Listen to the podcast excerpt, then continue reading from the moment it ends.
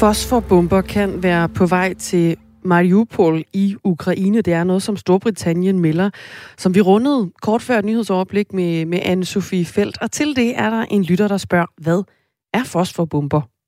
Ja, det er jo et øh, meget relevant spørgsmål. Det er bomber, som øh, kan forårsage kraftige forbrændinger, hvis de rammer mennesker. Øhm, de indeholder det, der hedder hvid fosfor, som ifølge international lov er tilladt at anvende over åbne slagmarker øh, til at lægge røgslør ud, men som er forbudt i øh, tæt bebyggede områder. Og hvis altså, hvid fosfor kan brænde huse ned, og øh, det kan så forårsage forfærdelige forbrændinger, hvis det rammer huden, øh, fordi det har den egenskab. Øh, nu bliver det lidt... Øh, illustrativt, men det brænder igennem huden og kød og ind til knoglen, hvis det rammer et menneske. Så det er derfor, at det er øh, opsigtsvækkende, hvis russerne lige nu er ved at fragte fosforbomber ned til øh, den her sydøstlige havneby i Ukraine. SMS'er er øh, velkomne. Du skriver mænd til 1424.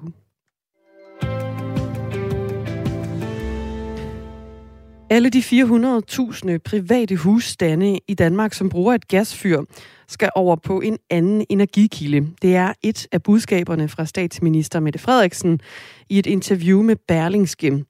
Regeringen vil nemlig efter påske fremlægge et udspil, der med fem punkter skal fremskynde Danmarks uafhængighed af russisk gas. Ifølge Dansk Fjernvarme, så vil omkring to tredjedele af dem med gasfyr, altså over 250.000 husstande, kunne få tilbud om fjernvarme, og det vil tage mellem 5 og 7 år, før alle er med, lyder Dansk Fjernvarmes vurdering. Nu kan jeg sige godmorgen til Pernille Hagedorn Rasmussen. Godmorgen. Chefkonsulent i klima- og energipolitik hos IDA, som er ingeniørernes fagforening. Og du har også været med til at skrive rapporten Fast Track væk fra naturgas i Danmark og Europa sammen med Aalborg Universitet. Dansk Fjernvarme ja. har henvist til, at øh, Aalborg Universitet er kommet med et rigtig fint bud på, hvordan fjernvarmen konkret kan blive udbredt i kommunerne. Og det er altså et bud, du har været med til at skrive. Mm-hmm. Hvordan får man konkret nogle af de her 400.000 husstande med gasfyr over på fjernvarme? Altså i praksis er det jo kommunerne, der skal i gang med at finde, få gang i planlægningen. Altså som enkelt borger er det jo svært at lige hoppe på fjernvarme. Det kræver, at der er nogen, der har sikret, at der ligger noget fjernvarme ude i vejen. Så det er de enkelte kommuner i samarbejde med, med deres forsyningsselskaber, der skal finde ud af, hvordan øh, borgerne kan få fjernvarme. Så hvis man øh, gerne vil have, have fjernvarme, hvad skal man så gøre? Altså for først skal man faktisk bare ringe til sin kommune og høre, hvordan planerne er. Altså man kan sige, at det er jo ikke alle, der kan komme på fjernvarme, fordi det er ikke alle, hvor det giver mening, at vi lægger rør i vejen øh, og laver fjernvarme. Nogle øh, skal have varmepumper i stedet for.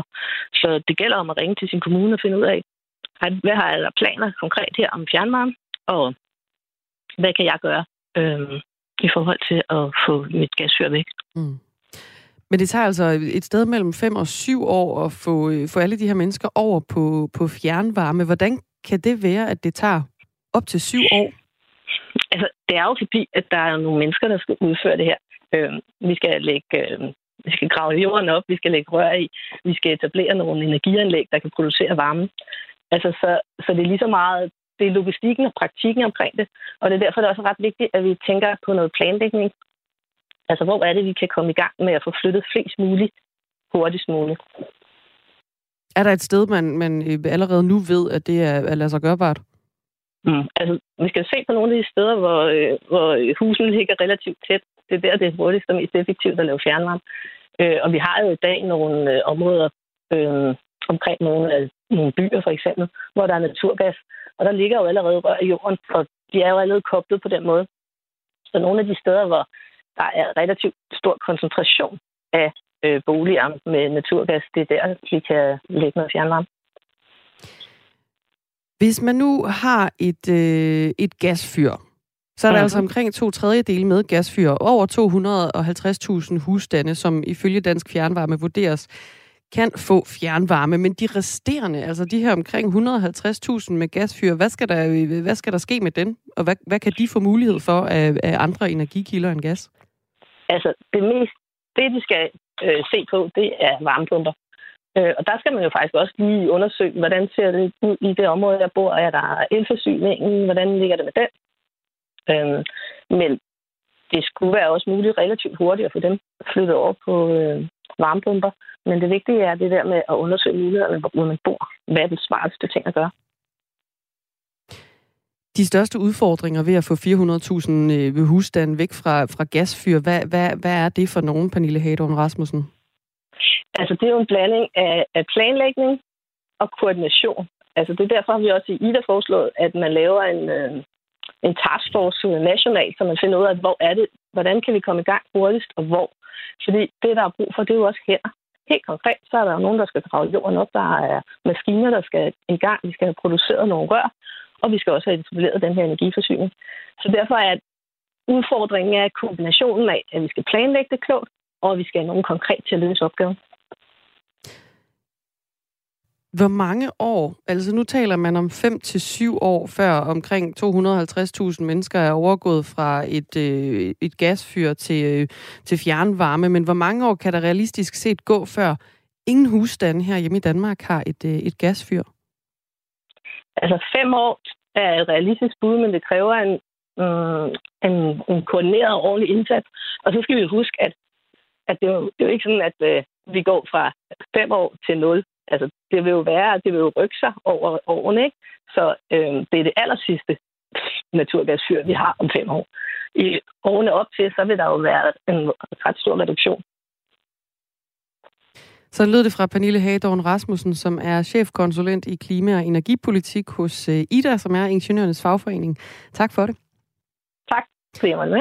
Og Pernille Hagedorn Rasmussen har altså også været med til at skrive en rapport, der hedder Fast Track væk fra naturgas i Danmark og Europa sammen med Aalborg Universitet.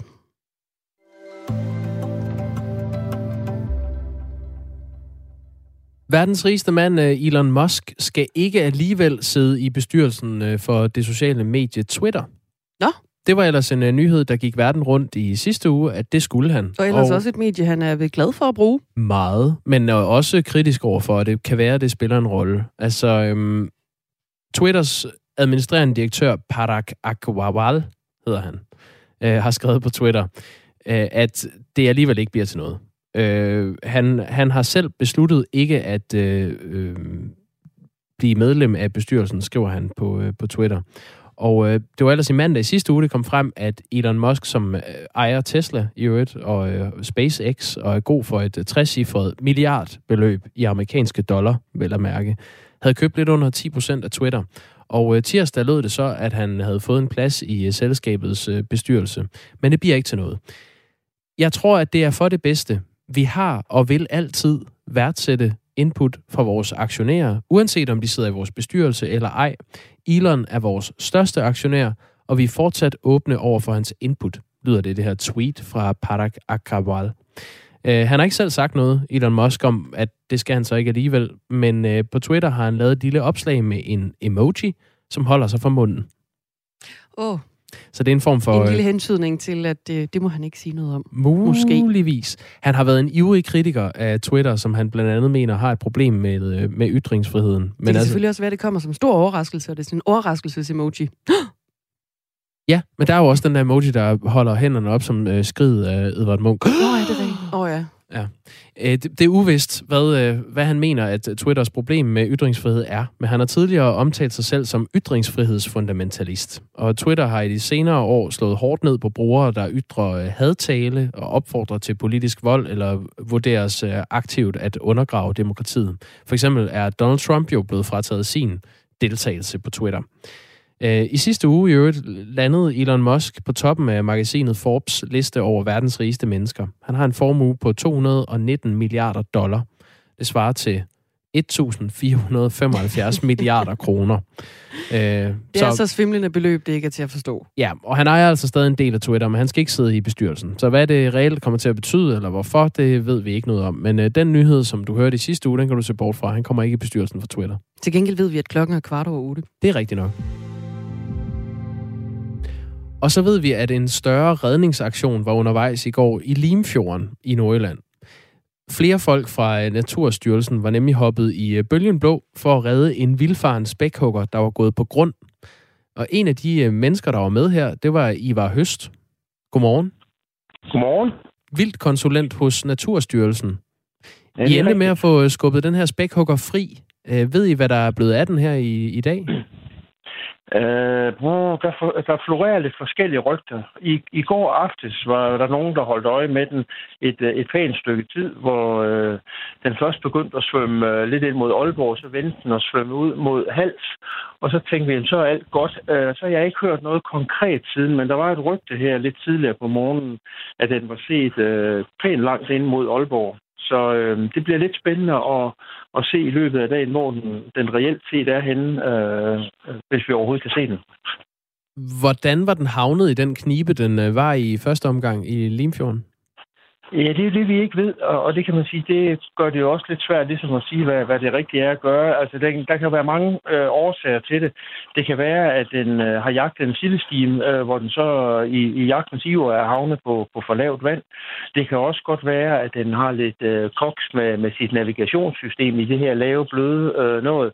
Og det kan også være, at den, den har været, været dårlig, altså haft behov for at, at ligge og, og hvile sig. Så øh, siger erfaringerne, det kan valer godt lide lide at gå ind på, på lavere vand, så kan de bedre stabilisere sig selv. Men, men det ved vi jo reelt set ikke, hvorfor den er havnet der. Det er jo et flot dyr, men det er også et farligt dyr, sådan en øh, spækhugger. I hvert fald for mennesker. Øhm, nu endte jeres redningsaktion med at vare flere timer. Men vil du ikke prøve at tage os ind i maskinrummet? Altså, hvordan får man bakset sådan en, en spækhugger, spækhugger ud på, øh, på dybere hav? Jamen, men, men det vi gjorde i går, altså, det var jo, at vi kunne sige, at vi kunne ikke øh, hvad hedder det, øh, den, den vejer jo 5-6 ton, så det er ikke fordi, man sådan kan flytte den. Øh, hvis den havde ligget helt fast, øh, så kunne vi ikke have gjort noget. Men nu lå den øh, relativt at den lå ikke sådan helt, helt fast på, på, på, på bunden. Øh, så det vil sige, at den, den kunne bevæges lidt i første omgang bare med, med håndkraft. Øh, og så, hvad hedder det, det viste sig så ikke at være helt nok. Og så var det, at vi fik assistance fra en, øh, en, en redningsbåd fra Falk, som øh, med, med en, en bred strop øh, lagt, lagt om den, og så lidt mere skub, jamen så kunne vi få flyttet den det lille stykke, der skulle til, for at den kom, øh, kom, kom fri af, af bunden. Øhm, og, og så kunne vi trække den. Det var nemlig ikke ret meget, at den skulle flyttes. Og så begyndte den, den heldigvis at, øh, at, at svømme selv øhm, og lagde sig så relativt hurtigt stille i, igen, øh, og, og skulle nok lige samle kræfter, fordi at den, øh, den hvad hedder det, øh, ja, den har ligget stille så længe. Og, og, I, I var høst, øh, ja. jeg, jeg vil lige bede dig om at, øh, at, at stå stille, mens du er med. Okay. Vi sætter stor pris på, at du er med. Man kan høre, at det, det skramler lidt i, i baggrunden. Okay. Der er en lytter, der ja, skriver, mens vi, øh, mens vi taler med dig, altså Ivar Høst, som er vildkonsulent hos Naturstyrelsen, og var med til at befri den her spækhugger øh, fra der, hvor den var næsten gået på grund i Limfjorden i går. Der er en lytter, der skriver, hvornår har der sidst været en spækhugger i Limfjorden? Jamen, der for en 10-15 år siden, der var, var en inde øh, næsten i det samme område. Øh, den trak man fri samme aften, men, men den gik så på land øh, en dag eller to efter længere op ad kysten og var død der. Så, så derfor kan det også godt være, at nogle gange, når de kommer ind der, at de ikke har det ret godt. Øh, men, men, men den her har, har svømmet øh, rimelig pænt, efter vi, vi fik den fri. Den er jo så til synlædende svømmet videre, øh, måske øst på Elimfjorden. Altså, du nævner Aalborg som en øh, mulig ny destination for den her spækhugger. Kan man frygte, ja. at det ender i samme situation der? Jamen, det, ja, det kan man godt. Øh, altså, det kan godt være, at den, den går på grund igen. Og der har vi taget den beslutning, at gør den det, jamen så hjælper vi den ikke fri en gang mere. Hvorfor ikke? Øh, nej, det, så, så kan man sige, så er der et eller andet, der, der er galt med det dyr, og så skal den have lov til at have, have fred øh, øh, til at ja, nok reelt set dø så. Øh, man kan sige, at det her, det, normal, vores normale håndtering er, at, at vi lader, lader naturen gå sin gang, at, øh, at de vilde dyr får lov til at passe sig selv. Men, men her kunne vi se, at der kunne være den her relativt nemme tilgang til at, at give den en chance. Men, men hvis den så vælger at gå på, på land, eller ikke på land, på grund igen, jamen, jamen, så er der jo et eller andet, der siger, at den, den er ikke levedygtig. Men, men det må jo tiden jo vise. Ja, vi må se, hvordan det går med spækhuggeren. Det er jo opsigtsvækkende, når en øh, spækhugger på den måde viser sig i dansk øh, farvand. Ivar Høst, du skal have tak for at være med. Jamen, velbekomme. Godt. Godt. God dag.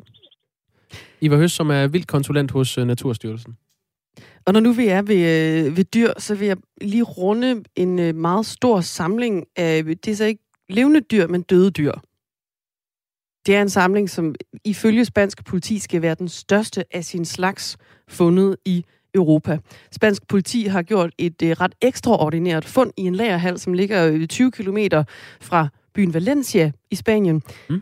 Der er nemlig gemt sig en privat samling af intet mindre end 1090 udstoppede dyr.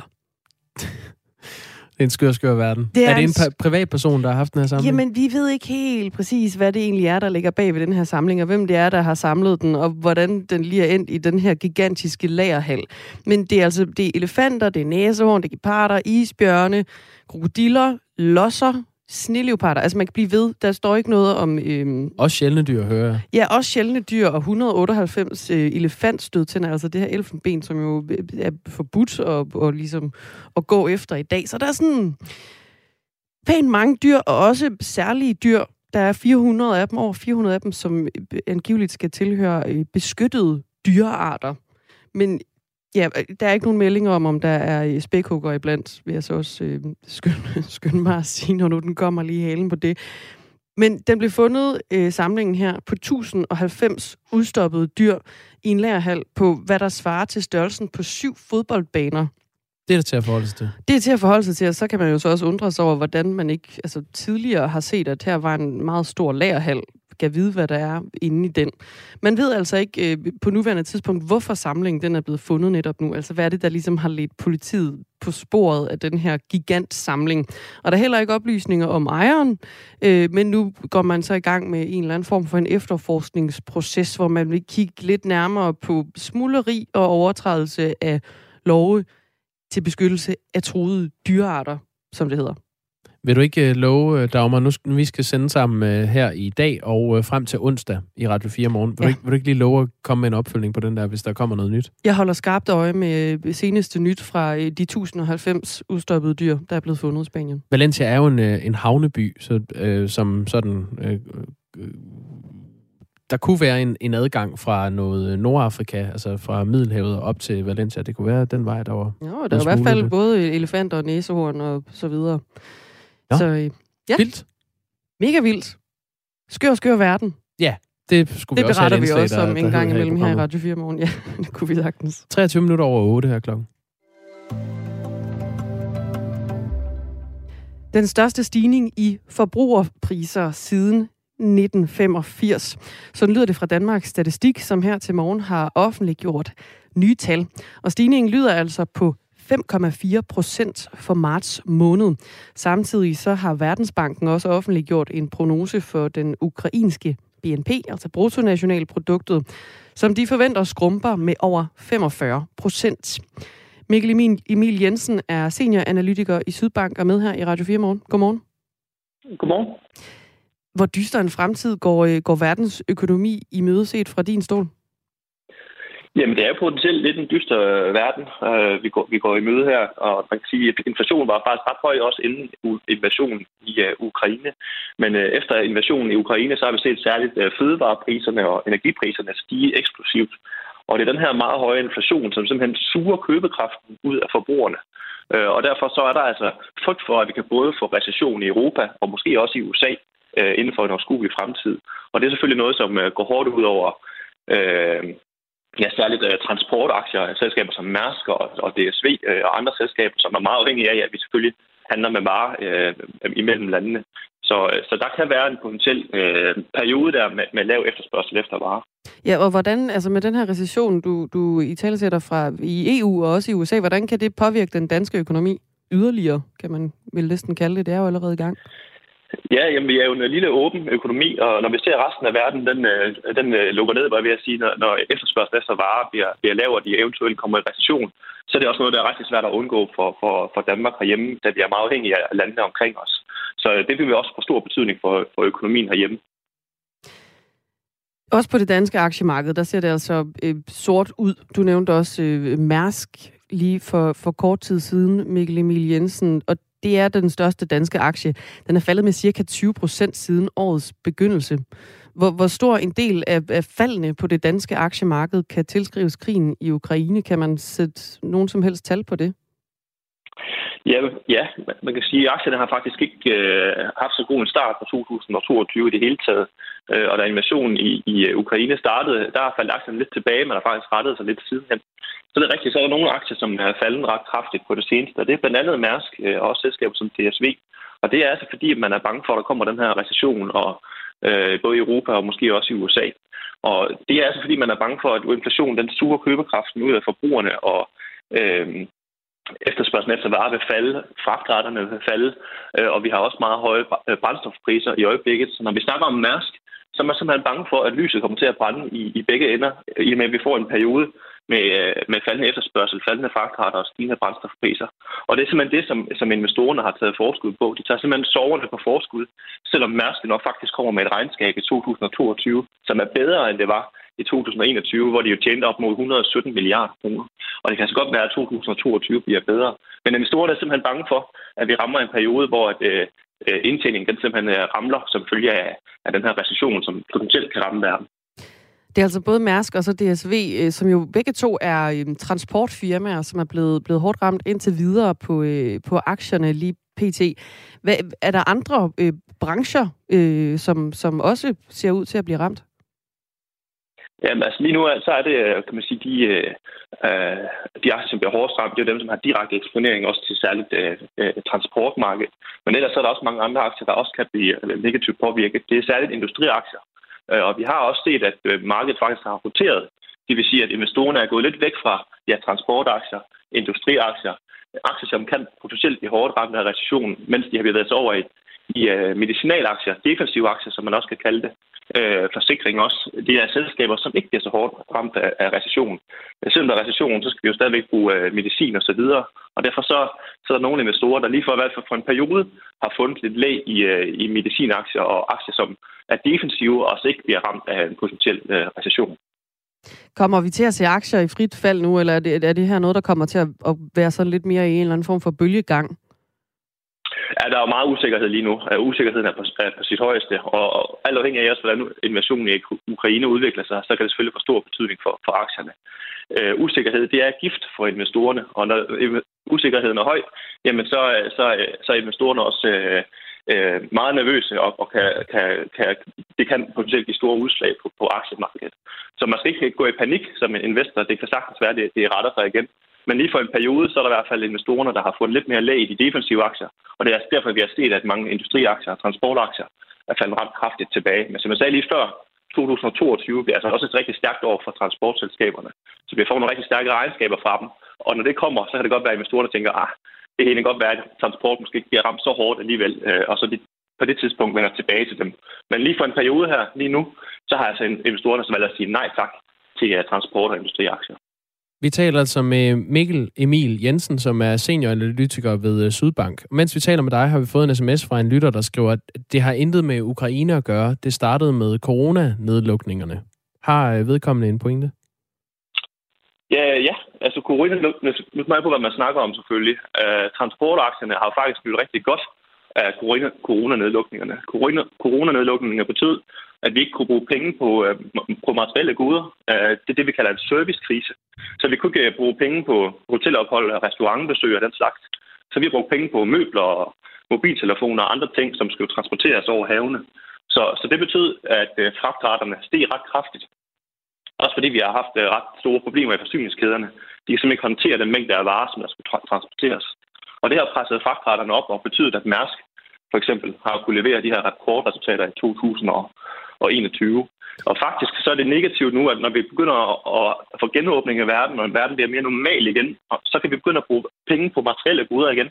Og, det vil altså betyde, at efterspørgselen efter varer vil, øh, vil falde. Så, så derfor så er corona har faktisk haft en positiv indvirkning på uh, transportselskaberne. Uh, I hvert fald på, det, på DSV og Mærsk. Vi slutter på den uh, high note. Mikkel Emil Jensen, tak for det. Det var slet. Senioranalytiker i Sydbank. Lige om lidt skal vi tale med Mia Nygaard, som er kultur- og fritidsborgmester i Københavns Kommune for det radikale Venstre. Hun mener, at Danmark skal byde ind på de olympiske lege, og København skal være værtsby. Det skal vi høre om, hvorfor hun mener. Det er Klokken om fire er minutter. halv ni.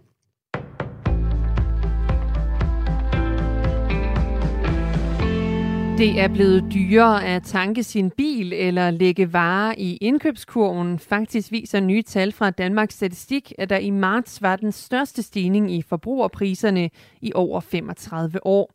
I marts er de danske forbrugerpriser samlet steget med 5,4 procent i forhold til samme måned sidste år, og den stigning er den højeste, der set over et år siden maj 19 85.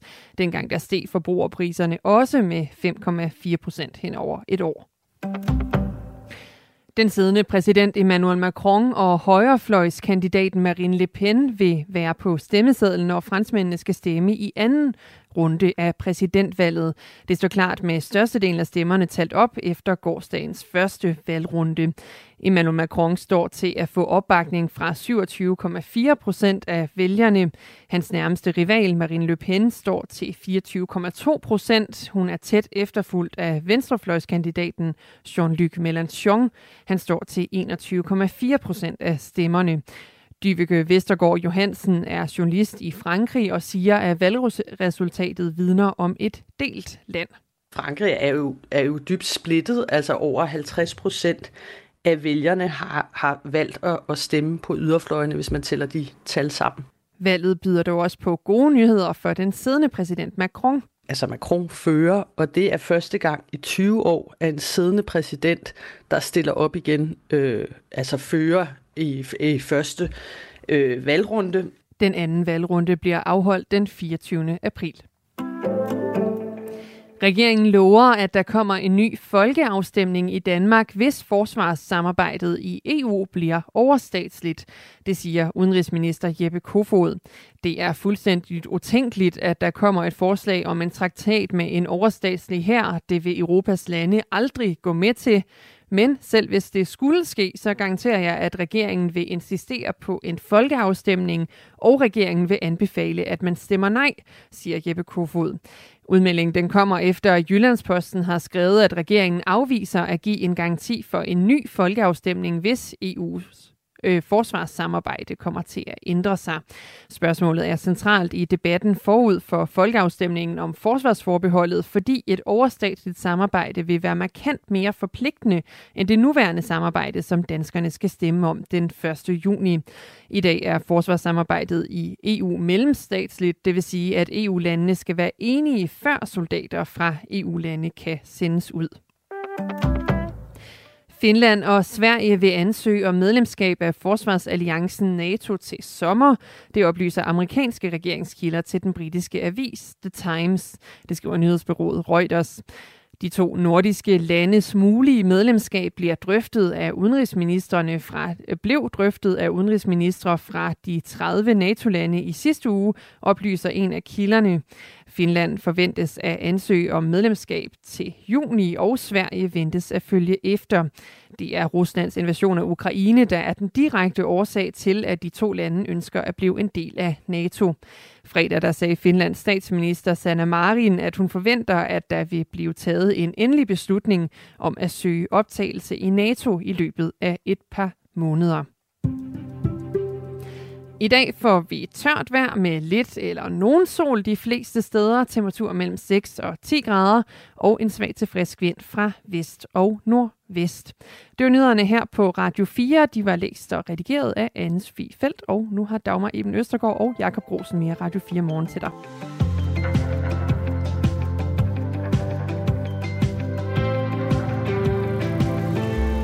Her i Radio 4 Morgen dedikerer vi hver morgen en øh, del af programmet til at få svar på nogle af de spørgsmål, der måtte opstå om krigen i Ukraine. Vi kalder det ret simpelt spørg om krigen. Og det er altså øh, baseret på dine spørgsmål, så du kan byde ind på sms'en 1424, hvis du har et eller andet, hvor du tænker, hvordan er det nu lige? Hvordan hænger det her sammen? Hvorfor sådan? Hvordan det? Mm. Skriv ind på 1424.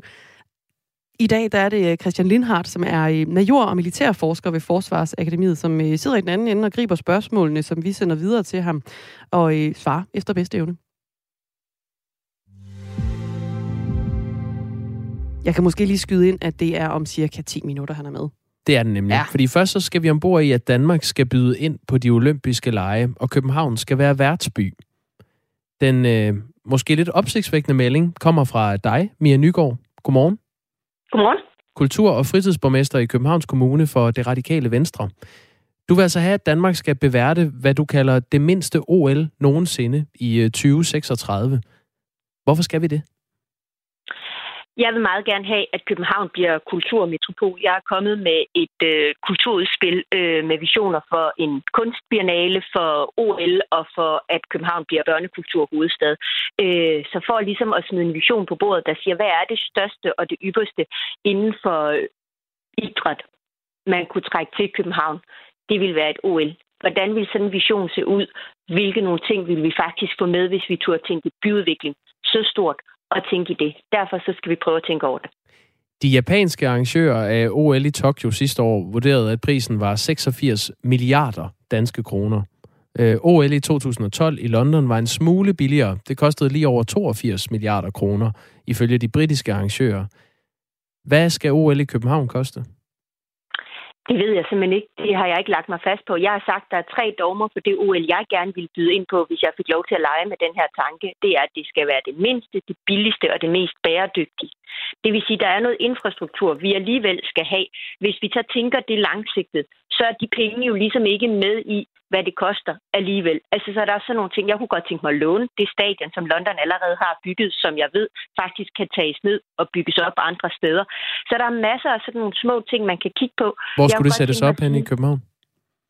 Det ved jeg ikke, og jeg ved heller ikke, om det lige præcis skal være i København. Men hvis vi nu kiggede på hele landet, Danmark er ikke større end en stor by i andre lande. Hvis vi nu kiggede på hele landet og sagde, hvad er det for noget kapacitet, vi har? Hvad er det for en sammenhængskraft, sådan et projekt en vil kunne skabe? Bare det at få ligesom kigget på vores kapacitet og sagt, i Herning ved vi, at der vil kunne ligge x antal af de her sportsgrene. Øh, Vilhelmsborg i Aarhus vil der være ridebanespringning. Det har de haft før og sådan nogle ting. Og så byde ind med det samlede set, så vil man måske forhåbentlig kunne få omkostningerne lidt ned. Og så håber jeg da, at der er nogle øh, erhvervsorganisationer og andre, der vil være med til at kigge på det. Det er også nogle af dem, der vil få pengene igen. Altså, og OL er noget andet. Men ellers så siger man, at for hver krone, man bruger, der får man 3,5 igen ind i den investering, man har af store sportsevents og sådan noget. Det skal vi da til at kigge på. Vi skal da til at kigge på, at vi får nogle idrætsfaciliteter øh, til københavnerne og resten af danskerne, som man forhåbentlig kan bruge undervejs og som man kan bruge bagefter. Altså når vi skal udbygge et stadion, så lad os bygge dem sådan, at de er til de der 30-40.000, som er almindeligt i Danmark, men som måske i enkelte tilfælde vi kunne udvides. Lad os tænke i sådan nogle ting. I stedet men Mia Nygaard, altså, som det er lige nu, er der, er der jo ikke plads til 30-40.000 på de fleste stadions i, i Danmark. Og generelt, lige nu er der en uh, debat i gang om, at uh, græsbanerne på, uh, på de danske stadions er nærmest for dårlige til, at der kan spilles Superliga-fodbold. Altså, hvordan tænker du det, at det skal ske? Jeg tænker for det første ikke, at det skal ske hen over natten. Jeg har smidt en vision på bordet helt bevidst for måske også at provokere nogen, der bliver ved med at sige til mig, at det her, det kan ikke lade sig gøre. Jeg siger, jeg ved ikke, om det kan lade sig gøre, men jeg ved, det kan i hvert fald ikke lade sig gøre, medmindre vi begynder at tale om det. Hvad er det for nogle svømmestadion? Hvad er det for nogle rostadion? Hvad er det for noget kapacitet, vi mangler? Hvis det er sådan, at der er øh, skate på OL-programmet i 2036, 2040, 2044, så skal vi jo have nogle skatebaner. Kunne de skatebaner også blive brugt til sky, øh, skybrudssikring? Øh, og kunne man så bygge dem og tænke dem på den måde med det samme? Vi skal have arkitekturverdensby øh, til næste år i København. Kunne vi få nogle af de arkitekter til at tænke med på nogle af de her bud? Kunne vi prøve at tænke tingene sammen, så det ikke bliver så ad hoc -agtigt? Jeg tror, det er det, jeg sådan ligesom øh, opponerer imod. Øhm, Men hvor, hvor meget med det her, altså jeg vil gerne ind i, altså hvis, det, hvis folk siger til dig, at det ikke er realistisk, og du siger, du ved ikke, om det er realistisk, men du har visionen om det, så er det jo øh, vigtigt for, om det er realistisk, hvad det koster. Hvad, hvad må det her OL koste? Det, det ved jeg simpelthen ikke, men det, jeg har tænkt mig at gøre, det er, nu havde jeg 100 dage. Jeg har en, hvad hedder det nu, vision, som jeg kalder Fremtidens København, en kulturmetropol på min hjemmeside. Øh, jeg bokser stadigvæk med, hvad kultur skal være. Det er nogle af de tanker, jeg gør mig i det her udspil. Og en af de ting, jeg så har, det er, jeg har tænkt tre områder. Børnekultur hovedstad, kunstbiennale mm. og OL som de tre ypperste for at bygge oven på nogle af alle de ting, som København allerede kan og er. Det vil sige, vi ved, jeg ved jo, at vi mangler øh, idrætsfaciliteter. Jeg kunne bare godt tænke mig at prøve at tænke dem lidt mere langsigtet. Jeg ved, det København er gode til. Det der er vores styrkepositioner. Vi er gode til logistik, når der er EM, se på øh, fodbold, men også vi kunne lige pludselig overtage et, øh, EM i 2020 på grund af, af covid, og faktisk få det til at fungere. Vi er gode til IT. Ja, vi, havde, vi havde øh, fire EM-kampe øh, i fodbold. Ja, altså, det, det er noget, det er rigtigt. Det er noget andet at lave et, et helt OL, øh, Mia Nygaard. Det er derfor... Det er noget andet, men, men det er jo også derfor, jeg siger, lad os nu få det smidt på bordet, lad os nu få kigget på det. Lad os få nedsat en handletank, der taler om det her. Hvad er det for nogle dogmer, vi vil byde ind med? Hvordan kunne vi gøre det mere bæredygtigt, hvis vi gjorde det? Og hvordan kan og vi det? Selve... Hvordan, hvordan kan vi det, og hvad, hvad kan vi så bruge Jamen, af, af penge på det? Jo for eksempel, jeg tænker for eksempel, øh, lad os sige, der er skate øh, på, på OL, og også i 36. Øh, vi ved, at der kommer skybrud øh, fremadrettet også. Jeg ved, at der er rigtig mange steder, hvor man kigger på, at noget af den skybrudssikring, man har, det faktisk er, er betonkar, men så kan man bruge dem til, til skatebaner, når der ikke er skybrud. Så må man håbe på, at der overhovedet ikke er skybrud, eller i hvert fald ikke er skybrud lige mens der bliver, bygget, øh, der bliver OL i 2036, men mund dog det vil være der i, i alle tre uger. Øhm, så få det tænkt langsigtet ind. Hvor vil det give mening, at så sådan en, en skatepark skulle bygges, skulle vi have mange små skateparks for også at udnytte noget facilitet. Men lige altså, skate er jo en af de mindre øh, øh sportsgrene ja, i, i OL. Så, og det altså, kan også være, hvor, vi skal vil du ikke, vil du ikke være sød, øh, jo, det kan, jo, Mia Nygaard, lige at sætte et, jo, øh, et beløb på? Altså, hvad, hvad, hvad mener du, øh, hvad, hvad det kan det koste, hvis det skal lade sig gøre? Det aner jeg ikke. Det aner jeg ikke, og det kan jeg ikke sætte på. Jeg kunne rigtig godt tænke mig at invitere nogen øh, af idrætsorganisationerne, af erhvervsorganisationerne, af de forskellige interessenter ind til nogle forskellige møder og sige, hvis det her det var det, vi satsede på, og vi samtidig vil gøre det bæredygtigt, og vi samtidig vil gøre de her ting, hvordan vil det så se ud? Har du spurgt dem, inden du øh, kastede de her visioner på bordet? Jeg har talt med både DI og DI, som bakker op om det som visioner, og øh, så må vi jo kigge på det. Jeg har ikke nået at få fat i øh, DGI og DIF. Jeg skal have et møde med dem alligevel her i løbet af efter påske, så tænker jeg, jeg tager det lige den rækkefølge, det lige kommer. Jeg har haft utrolig travlt både med at nå en 100-årsplan og rigtig mange andre ting. Men øh, 100 100 plan. Så, så det er simpelthen det, der. Og, øh, og så ser jeg, hvor langt det kommer. Jeg, ser, jeg har en anden overskrift på mit øh, kulturudspil, er faktisk fra Kulturby 96 til Kulturmetropol.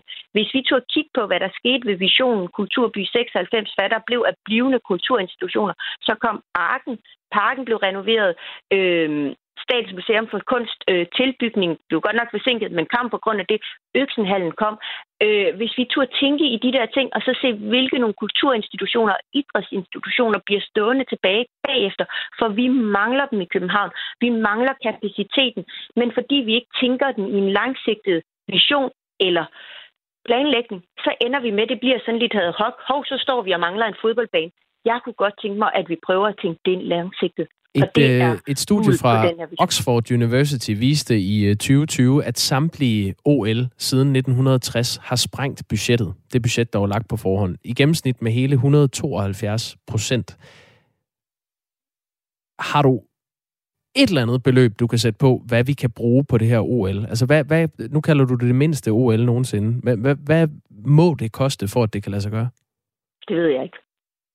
Hvordan, hvordan kan du melde det ud, uden, øh, uden at have nogen øh, idé om, hvad sådan noget koster? Nogen skulle kaste den første bold. Øh, det blev mig. Jeg har ikke et stort apparat bag mig, der hvad hedder, at nu sidder og regner på de her ting. Det her, det er en drøm det her det er en vision for, hvordan København kunne blive en stor kulturmetropol.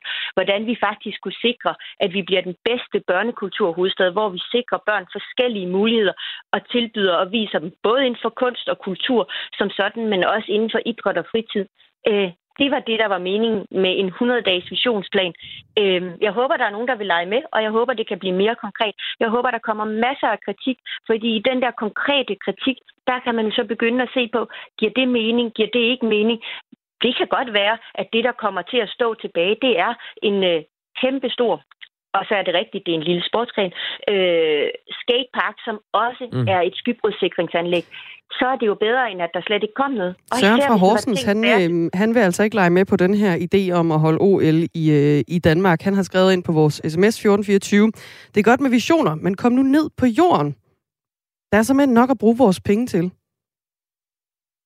Jo, men, men det forstår jeg sagtens, og nu er det en vision, og nu kigger vi på det, og øh, ja, det kan være, at jeg er den eneste, der, der som, som, som en anden øh, fantast, tror jeg, der var en, der kaldte mig, øh, får kigget på det. Det kan også være, at der faktisk er nogen, der vil være med, og at vi faktisk får kortlagt hele Danmarks idrætskapacitet, og det ender med, at vi siger, at der er i hvert fald nogle andre events, vi så kan byde ind på, det vil også være rart.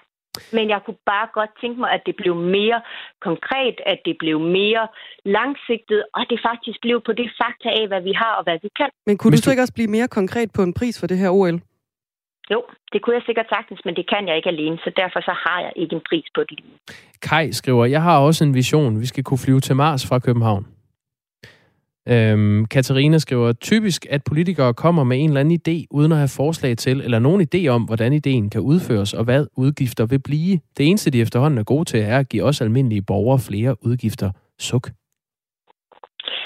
Jeg faktisk meget gerne, den med Mars, den tror jeg måske øh, heller ikke så meget Ej, på. det er vist en sjov men, men, det kunne, men det kunne, og det er en sjov bemærkning, og det er jo helt fair. Øh, I forhold til det med økonomi, jamen hvis det er rigtigt, at det faktisk er sådan, at øh, for hver krone, vi bruger på kultur og events, så får vi den tre en halv gang tilbage, så er det jo sådan noget med at gå ud og sige til nogle af de her øh, erhvervsdrivende og sådan noget, hvis I er med på, at de får, det er jo ikke nødvendigvis københavnerne, der kronerne en, tre en halv gang tilbage, så, så må vi jo se på, om vi sådan kan, kan, kan stykke det sammen. Der er noget infrastruktur, øh, der er noget, vi alligevel skal bygge. Vi skal alligevel have bygget nogle svømmehal, vi skal have renoveret nogle svømmehal i København. Kunne vi renovere en enkelt af dem, så den faktisk bliver så stor, at det også kunne bruges til svømning? Altså, det, det er den idé, jeg godt kunne tænke mig at forfølge, at vi faktisk får kigget på de enkelte ting, og hvad prisen er, det må jeg simpelthen vende tilbage med. Du kalder det her for en vision, altså at Danmark skal kunne øh, være vært for et øh, OL, øh, det mindste OL nogensinde i 2036. Øh, Mia Nygaard, som er kultur- og fritidsborgmester i Københavns Kommune for det radikale venstre. Hvor realistisk synes du, den her vision lyder?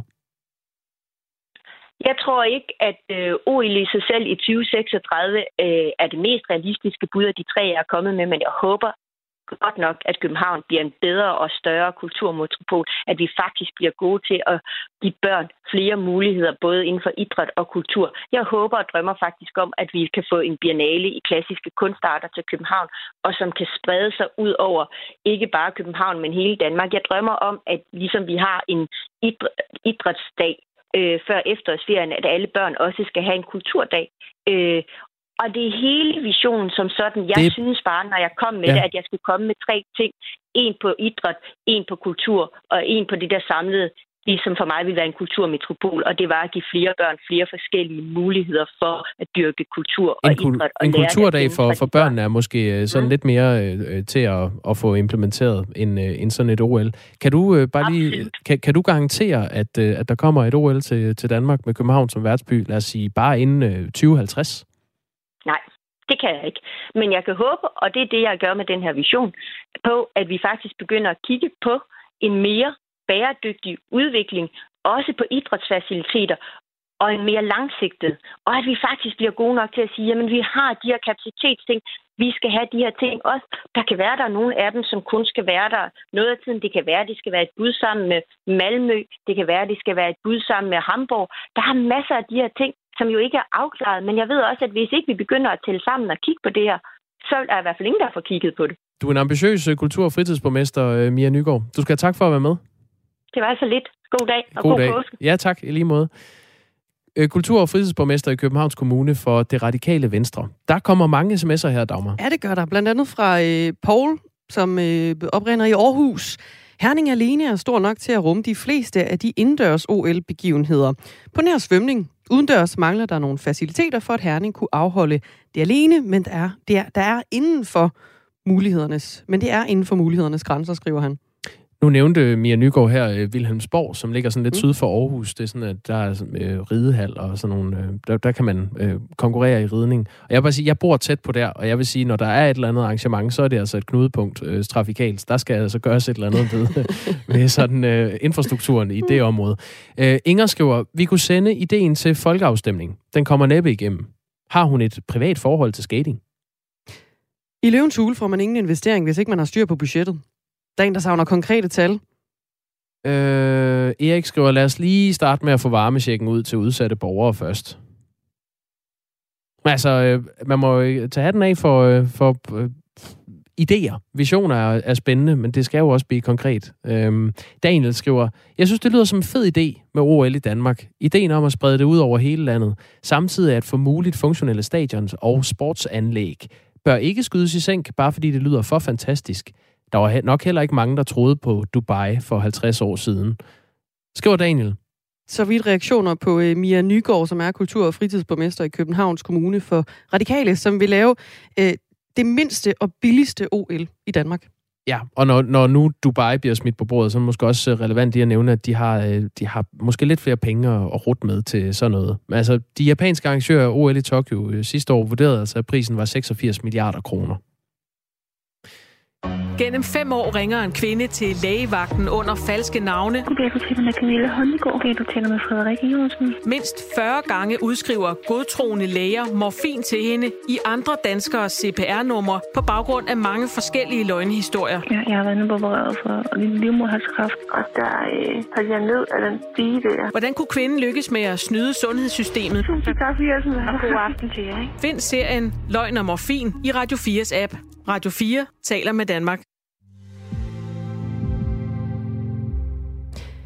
I Radio 4 Morgen dedikerer vi øh, hver morgen en del af programmet til at få svar på nogle af de spørgsmål, du måtte brænde ind med om krigen i Ukraine. Spørg om krigen kalder vi det øh, ganske simpelt. Øh, den her afdeling af Radio 4 Morgen, som vi åbner op for nu, og det gør vi sammen med Christian Lindhardt, som er major og militærforsker ved Forsvarsakademiet. Godmorgen, Christian Lindhardt.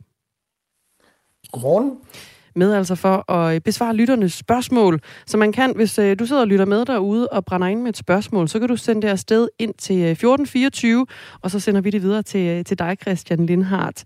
Og vi, vi starter med, med seneste nyt, kan man sige, fra, fra Ukraine. Der er russiske soldater, som de har før brugt det, der hedder fosforbomber i Donetsk-regionen i det østlige Ukraine. Og det kan betyde, at de russiske styrker, de øh, også agter at bruge dem mod den sydukrainske by Mariupol, der ligger i Donetsk. Det er noget, som øh, det britiske forsvarsministerium skriver om på, øh, på Twitter. Vi skal lige have slået fast til at starte med, hvad de her fosforbomber de er for nogen. Ja, altså fosforbomber vil typisk være nogen, man bruger til at udlægge for eksempel røg. Øh, og det vil, røg kan man bruge til at skjule sig. Så hvis man øh, ligesom skal lave en eller anden bevægelse, og en soldat skal bevæge sig fra A til B, så kan det være meget rart at gøre det under dække af sådan noget røg. Problemet med det er, at det jo er fosfor, der brænder. Og det vil sige, hvis man bruger det til andet end sådan noget skjul og sløring, jamen så, øh, så, så er det et, et brud på, øh, hvad hedder det, krigens love, fordi at man må ikke bruge den slags våben øh, med henblik på at slå andre ihjel. Vi har også en lytter, der spørger, øh, det er VD, han spørger, hvordan virker vakuumbomber og klorbomber, altså ud over de her øh, fosforbomber? Ja, øh, klorbomber har jeg ikke nogen viden om, men vakuumbomber øh, har jeg efterhånden i forbindelse med den her krig fået lidt viden om. Nu er jeg jo ikke artillerist, men, men øh, jeg prøver alligevel.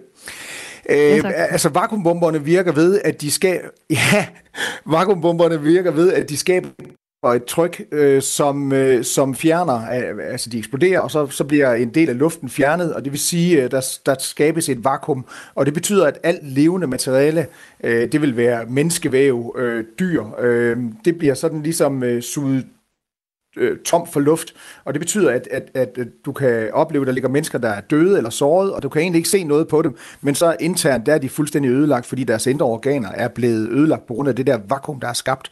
Så det er, det er sådan en meget forsimplet udgave, som selv jeg kan forstå, øh, af hvordan sådan en vakuumbombe fungerer. Vi har fået øh, rigtig mange sms'er fra øh, vores lyttere, og det er simpelthen herligt, at I bliver ved med at, øh, at byde ind.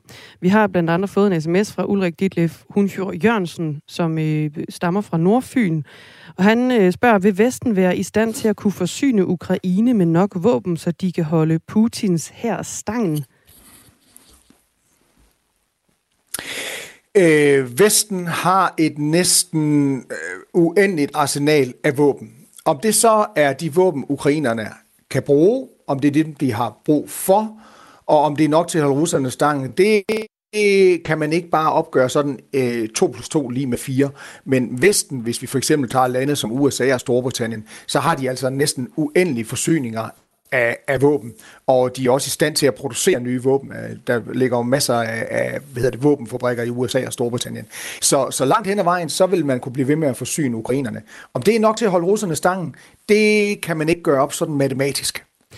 Det er Christian Lindhardt, som er major og militærforsker ved Forsvarsakademiet, som øh, lige nu er i gang med at besvare Radio 4 Morgens lytteres spørgsmål, som kommer ind på 1424.